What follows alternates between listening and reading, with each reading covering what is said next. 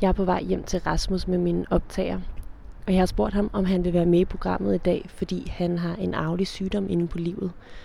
Både hans øh, morfar og mor har og har haft Huntingtons sygdom, men Rasmus vil ikke selv testes for, om han har den. Og det synes jeg er et lidt vildt valg. Det at øh, vælge uvidsheden, når svaret på testen statistisk set også kunne være, at han ikke har sygdommen. Og det er det, jeg skal snakke med ham om i dag. Hvorfor han har haft behov for at vælge uvidsheden. Tak. Hej. Gør du noget? Ja, det er godt. Er stort. Ja, super dejligt. Men altså, jeg var ikke flyttet ind for øh, et halvt års tid siden, så det er stadigvæk sådan lidt skrabet. Nu har man både papkasser i mange år, og det er jo også det, så meget af det kunst, jeg har, det er noget, jeg har sådan samlet sammen, som der bare har været sådan opmagasineret. Så jeg har jo glædet mig rigtig meget til at få alle tingene op. Har du egentlig noget som helst af dit eget kunst hængende? Nej, jeg vil ikke sidde og øh, kigge på mine egne værker, så det er lidt som om at være på arbejde, når man er herhjemme. Ikke? Jeg er mega nervøs. Er du det? Ja, det er jeg. Ja. Ah, det er okay. Jeg tror ikke, du behøver at være nervøs, men jeg kan da godt forstå, at det er lidt øhm, sårbart. Det er sårbart og grænseoverskridende. Det der med sådan at snakke ud til nogen, som man ikke, ikke kan se, tror jeg. Ja, du skal jo snakke lidt til dig selv. Det er spejlet her.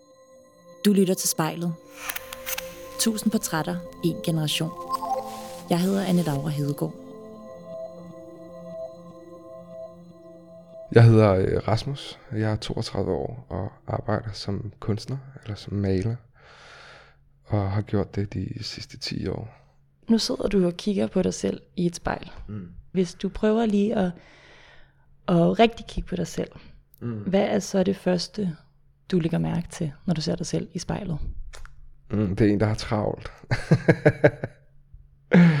Nej, øh, det ved jeg sgu ikke. Jeg ser mig selv. Jeg har observeret mig selv mange gange. Jeg har brugt mig selv som model og tegnet efter mig selv i mange år. Øh, så det, jeg lægger mest mærke til, det er jo konturer, lys, skygge. Sådan nogle ting. Øh, jeg ved ikke, om jeg måske har et distanceret forhold til den måde, jeg ser ud på. Men det er ikke, ikke noget, der fylder så meget i min hverdag. Hvem jeg er sådan rent fysisk. Det er mere, hvem jeg er øh, mentalt. Og sådan, jeg tænker meget over, hvad det er, der definerer en som menneske. Øh, for mig er det meget, det er mine handlinger, der definerer mig. Ja. Og hvis du så skal definere dig selv ud fra dine handlinger, hvordan vil du så beskrive den person, du kigger på i spejlet? Øh, jeg tror, det er svært at definere for mig selv, hvem jeg er lige nu, fordi at det svinger. Det svinger fra minut til, til minut, tror jeg. Fra time til time. jeg ved ikke, om det lyder helt væk, men øh, Det lyder lidt forvirrende. ja, men jeg tror også, det er lidt forvirrende at være mig til. Øh, men nej, jeg vil da se, jeg ser mig selv som et godt menneske, som et øh, dejligt menneske. Et menneske, der gerne vil dem, der er omkring mig. Et menneske, der er klar til øh, at give folk en chance og stole på dem. Og så, ja. Allerførst sagde du, at du, øh, du kiggede på en, der var travl. Mm. Hvorfor sagde du det? Jamen, det er fordi, jeg, jeg stresser rundt i øjeblikket. Øh, jeg har en øh, udstilling til januar, og troede, jeg havde styr på alle tingene. Men ligesom alt andet i livet, så var der ikke rigtig styr på så meget alligevel. så en, øh, en lille stresset mand, tror jeg.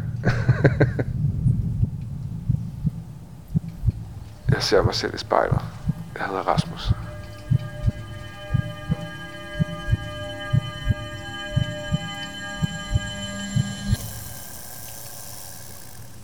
Kan bare lige fortælle, hvorfor det er, jeg er øh, taget herhjem. Og det er fordi, at du har en øh, arvelig sygdom inde på livet. Og det er den sygdom, der hedder Huntingtons sygdom. Og det er jo en relativt sjælden sygdom, så der er sikkert mange, der ikke ved, hvad det er. Øhm, så det kan være, at du lige vil starte med at fortælle, hvad det, hvad det er for en sygdom. Øh, det kan jeg godt prøve. Øh, det er måske lidt sjovt det her, men jeg ved ikke præcis, hvad der sker. Øh, jeg har aldrig været sindssygt øh, interesseret i præcis, hvad det er, det gør rent fysisk. Øh, jeg har mere været interesseret i, hvad det gør sådan reelt for de mennesker og de personer, som jeg har haft tæt inde på livet, som har haft den eller har den. Men øh, det er sådan en blandt selv pose af alt muligt godt. Øh, det går i musklerne, det går i motorikken, det går i bevægelserne, det går i hukommelsen, går i personligheden. Øh, alle sådan nogle forskellige ting, så den kan være, øh, den kan være ret grov. Det er forskelligt fra familie til familie, hvordan er sygdommen rammer, hvornår den rammer, hvor hårdt den rammer, hvor lang tid den tager. Men fælles for alle er, at øh, der ikke er nogen, øh, der er ikke noget medicin. Der er ikke, øh, der er ikke rigtig andet end øh, en meget langsom øh, nedbrydning af den person, man var. Hvem er det, du kender, der har den sygdom? Altså, hvordan er den inde på livet af dig? Jamen, øh, både min øh, morfar og min morfars søster døde af den. Så har min øh, mor den, og min moster har den. Og så er der jo også andre i øh, længere ude i familien, der har den. Men øh, det er her, hvor jeg mærker den. Det er hos min øh, mor og hos min moster nu. Ja. Og hvordan påvirker det den, din mor? Du siger at den kan ramme meget forskelligt. Hvordan har den øh, udviklet sig hos hende? Det, det er svært at sige. Historien er sådan her, at øh, min morfar bliver syg, og så han, bliver han testet. Da min mor ikke er særlig gammel. Øh, der har min mor haft øh, nogle psykiske udfordringer. Øh, så da han ligesom bliver testet positiv, så er alle lægerne jo sådan, lad os lige tjekke, om øh, det ikke skulle være det, som øh, Helle også havde. Og hun bliver så testet øh, positiv, og så ryger hun ligesom ind i den her kategori, der hedder folk med Huntingtons. Øh, og det var måske lidt hurtigt at ryge ind i den kategori, øh, fordi det har resulteret i rigtig meget fejlbehandling rigtig meget overmedicinering. Øh, alle mulige ting, som ligesom kom sig af, at nu havde de fundet en løsning på, hvorfor det var, at min mor havde det dårligt. Og i virkeligheden stammer det nok fra nogle helt andre psykiske udfordringer, som så ikke er blevet håndteret ordentligt. Øh. Så det er svært at sige, ligesom, hvornår den her sygdom ligesom begynder at stikke sit ansigt frem. Men min egen teori er, at den måske først gik i øh, udbrud for nogle år siden. Så hvordan har hun det nu? Med, øh, hun er meget udfordret. Øh, hun er ikke gående mere. Øh, hun er meget træt. Øh, og hun har de her... Øh, altså det er jo en, en, en demensrelateret sygdom, eller hvad man siger. Det går på frontallapperne. Så der er mange ting, som der ikke er eksisterende i hendes virkelighed længere. Jeg har lært, at der er ikke nogen... Øh, der er ikke en objektiv virkelighed. Der er ikke én sandhed. Det her med, at jo, i min verden, der er der tid, og i min verden, der hænger hukommelse og minder sammen på en specifik måde, og der er mange forskellige ting, men det er min virkelighed. I min mors virkelighed, der eksisterer tid ikke. Og der er minder måske også noget, der er mere flydende. Og det gør ikke, at hun tager fejl, og jeg har ret.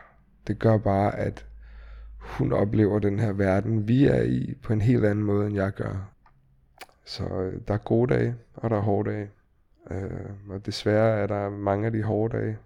Men øh, selvom det er rigtig hårdt, og min mor tydeligvis bliver nedbrudt, så er der samtidig utrolig meget udvikling.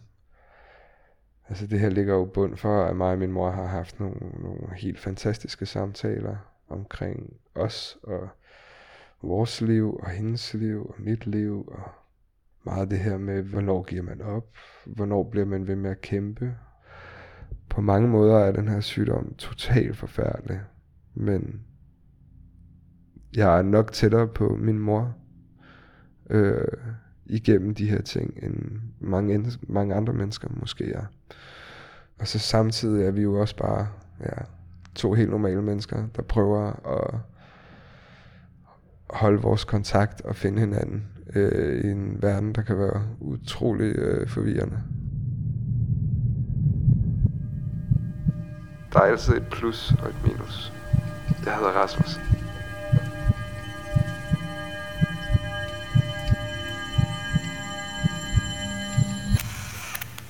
Med, at I også bare er øhm, to mennesker, der forsøger at holde kontakt. Ja. Har der været nogle tidspunkter, hvor du har haft behov for at, at trække dig fra det? Ja, ja, masser af gange. Øh, masser af gange, og det er, jo, det er jo en utrolig svær ting at balancere i det her. Øh, hvor meget skal man give af sig selv, og hvor meget skal man passe på sig selv. Øh, og en af de ting, min, jeg føler, min mor har været dygtig til, det er, at hun har været dygtig til at sætte sine begrænsninger over for de mennesker, der har været tæt på hende. Og det er en ting, som øh, jeg har skulle lære. Jeg har skulle lære at sætte de her begrænsninger. Der var en periode, hvor øh, min de sådan, den her sygdom kommer lidt i stadier. Så det der ligesom kan ske, det er, at du får en forværing. Og så går du måske lidt i panik over den her forværing, fordi du ved, slutresultatet er, at du mister dig selv. Slutresultatet er, at du ikke er mentalt til stede. Jeg kan huske, at min mor altid har sagt, at du ved, at hun håbede, at hendes krop stod af, før hendes hjerne gjorde. Så hun ikke endte øh, med at rende rundt nede på torvet. Øh, og det kan jeg sådan set godt forstå.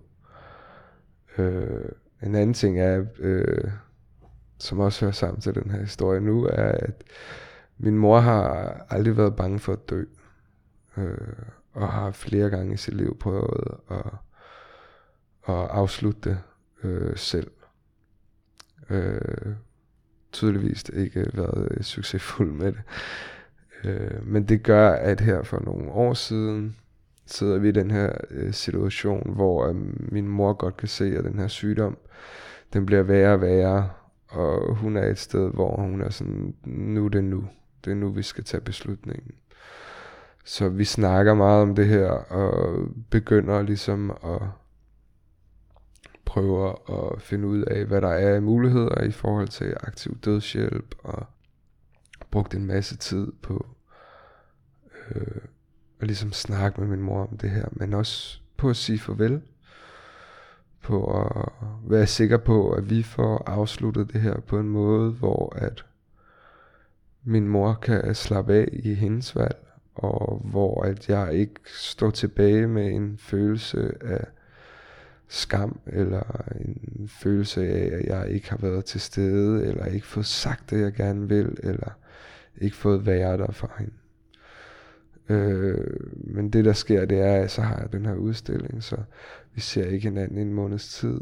Øh, og jeg tror måske, at noget af al den her snak om aktiv dødshjælp og alle de her ting, har været øh, ligesom en, et forsvar, min mor har hævet op for, at jeg ikke skulle sige fra. Øh, jeg tror, at hun har haft en tanke om, at alting ville være nemmere for mig, hvis hun ligesom ikke var her mere. Øh, og jeg tror, at den tanke havde øh, eskaleret, fordi at jeg samtidig med, at jeg vi var i gang med det her, blev nødt til ligesom at sige, nu er der lige en måneds tid, hvor jeg laver mine ting, øh, så hun prøver at tage sit liv øh, lige op til den her øh, udstilling. Øh, og jeg kommer jo selvfølgelig ind til hende, og er enormt sur på hende faktisk øh, fordi at jeg føler, at øh, jeg føler, at det er en eller anden form for øh, et manipulerende træk øh, for at genvinde min opmærksomhed. Og det tror jeg absolut ikke er noget, som min mor har gjort bevidst, fordi jeg ved, hun vil mig det bedste i hele verden, og hun elsker mig rigtig højt. Øh, men det der sker, det er, at det går op for mig, at ja, jeg skal, sku, jeg skal kunne stå her bagefter med god samvittighed. Og der har jeg hele tiden tænkt, at jeg skal kunne stå her bagefter med god samvittighed over for mig selv og over for min mor. Og det har i min verden været, at jeg har været der for hende i den sidste tid, og det var i min verden, at jeg ligesom kunne sige, at jeg var der, og jeg gjorde de her ting. Men efter at hun ligesom prøvede at tage sit liv, øh, gik det op for mig, at en af de ting, jeg virkelig skal kunne, når jeg så kigger mig selv i spejlet, når hun ikke er her mere, det er at se en i øjnene, som der ikke øh, satte sig selv øh, på spidsen, eller du ved, gik på kompromis med sit eget helbred og sit eget psykiske helbred, for at kunne være der for hende. Det der skal siges, det er, at jeg bøvlede med en masse depression i, øh, i den periode, som der ikke var så meget plads til.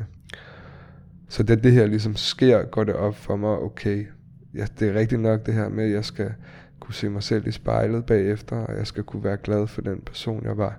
Men lige pludselig går det op for mig, at det er nogle andre ting, som jeg skal prioritere, end dem jeg troede, jeg skulle prioritere.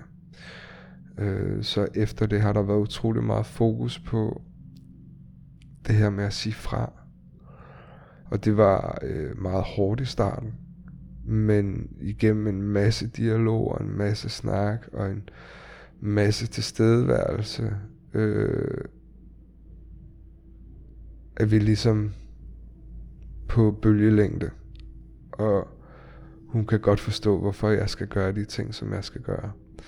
Og det gør jo så, at jeg sidder i en situation nu, hvor at jeg snakker rigtig meget i telefon med min mor. Øh, men besøger han ikke lige så meget, som jeg gjorde før i hvert fald.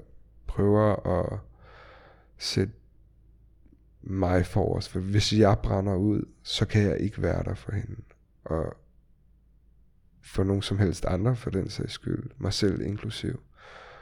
Øh, og så er det ligesom lige pludselig mig, der begynder at blive syg. Mere øh, syg, end jeg har været. Jeg er pårørende til Huntingtons, og jeg hedder Rasmus.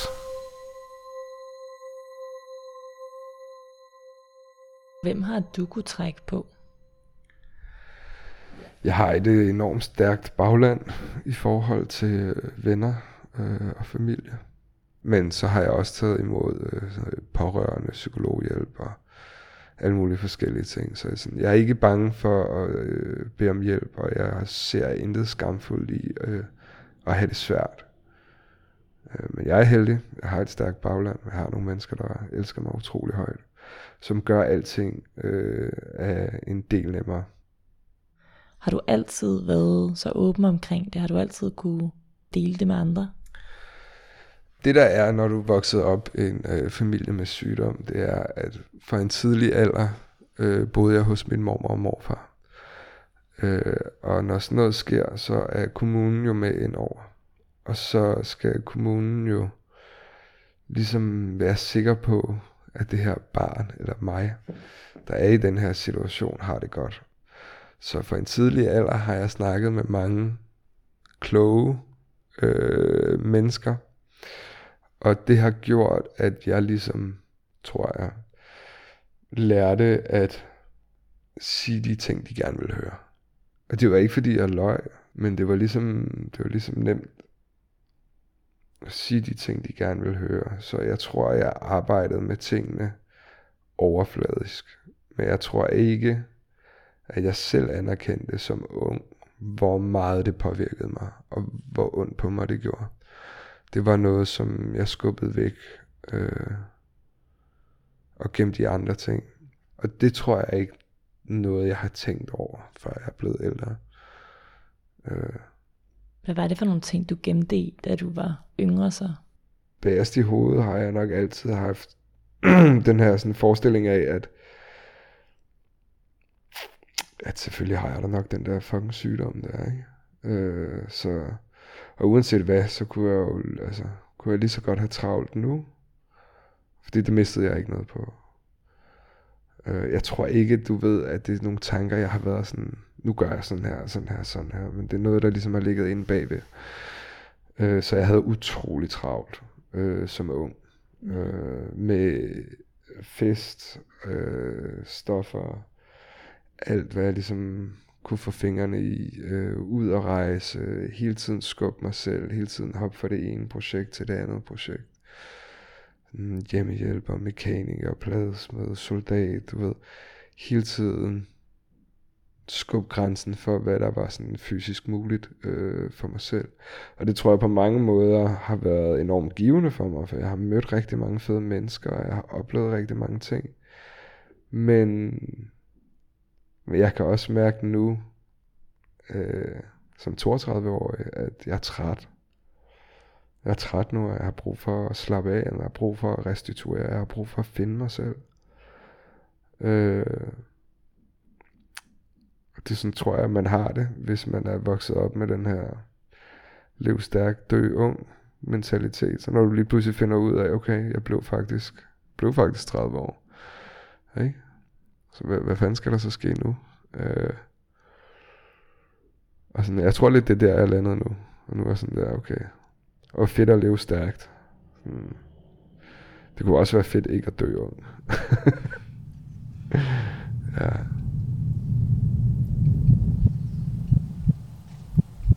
Jeg har brændt lyset i begge ender. Jeg hedder Rasmus.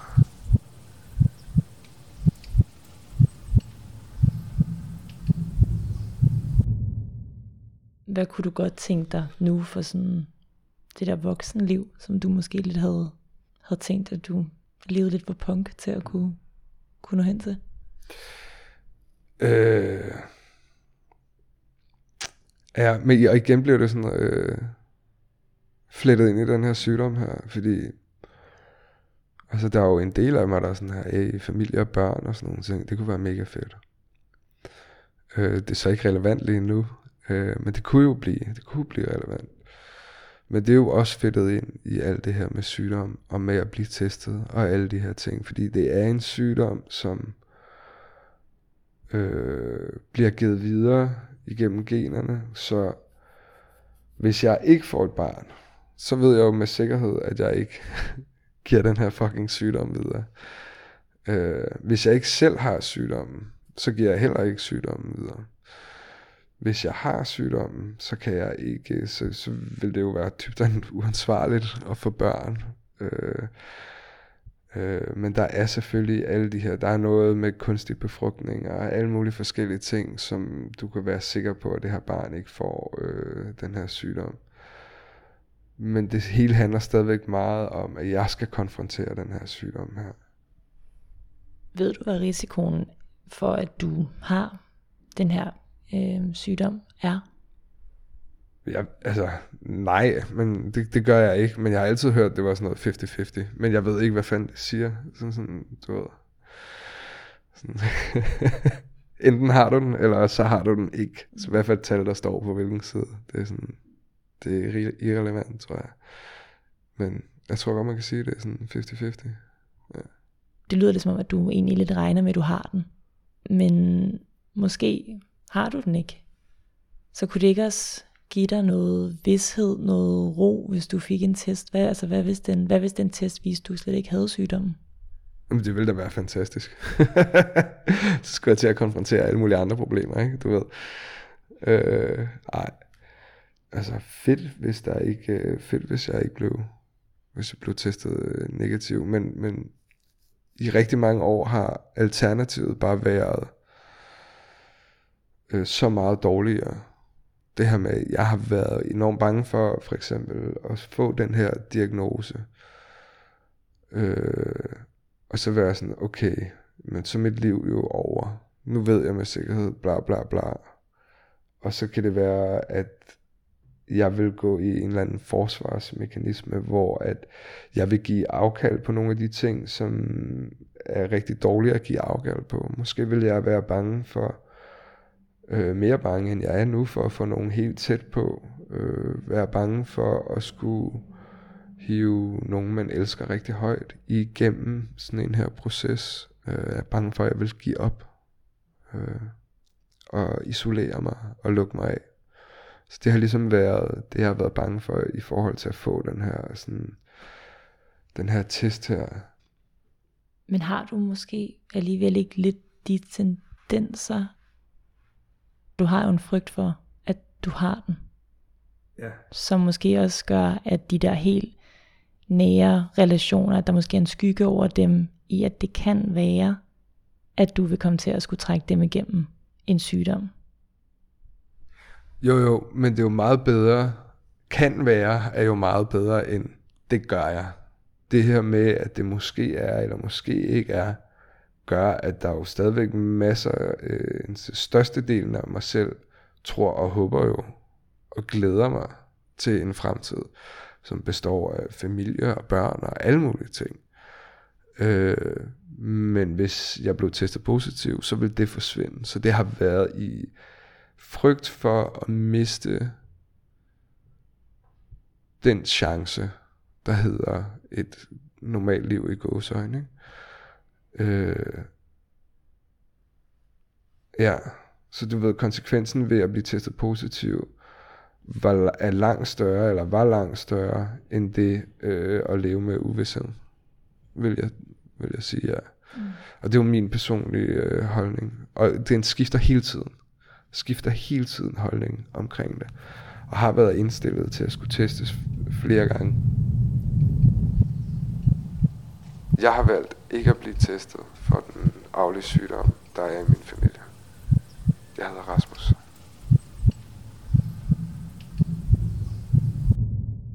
Når du har, har tænkt, nu vil jeg gerne testes alligevel, mm. hvad er det så, der har gjort, at du har tænkt, nu vil jeg gerne vide det? Men tit har det været, fordi at jeg har haft det så, for, øh, så elendigt, at jeg har været sådan, nu gør vi det bare. Nu gør vi det bare, nu tager vi, nu tager vi bare den der bid af lorten, som der skal tages en gang imellem. Og så gør vi det der. Og, sådan, og så er det en lang proces. Så i løbet af den proces, så har jeg nok fået det bedre i kraft af, at jeg har konfronteret nogle af de her ting, eller snakket med folk om det. Og så har jeg bare gået på et tidspunkt og været sådan, gud, jeg har det sgu da egentlig meget godt lige nu. Måske det er lidt lige meget at få den der fucking test. Øh, og så har jeg hoppet fra, ja. Nu er tingene så lidt anderledes nu, fordi at, mm, der kører nogle forsøg med noget medicin, der potentielt kunne være øh, hjælpsomme øh, imod nogle af de her ting. Så øh, hvis, hvis det her ligesom får, får grønt lys inden for de næste to år, så skal jeg jo bare testes jo. Så er der jo ikke nogen diskussion mere. Øh, så er der jo noget, der potentielt kan hjælpe mig, så kan vi lige så godt gå i gang så hurtigt som muligt. Øh, så alting har ligesom ændret sig her de sidste par år. Så har du håb på, at det kommer til at ske? Nej, jeg tager udgangspunkt i at blive skuffet. Hvilket måske også er et dårligt karaktertræk, men som et, som jeg nok har erhvervet mig. Øh, fordi tingene har været hårde. Men nej, jeg, jeg, øh, jeg tør ikke håbe på noget. Men på den anden side, så den her øh, ro og tryghed, det giver mig, at der måske er noget. Vi er gået fra ingenting. Intet kunne hjælpe til at nu er der måske noget, der kan hjælpe. Og det gør, at jeg i virkeligheden har fået sådan et, et to års frirum, hvor jeg ikke skal tage stilling til alle mulige fucking ting, fordi det behøver jeg først, når jeg ved mere om medicinen. Så det er jo enormt befriende på mange punkter.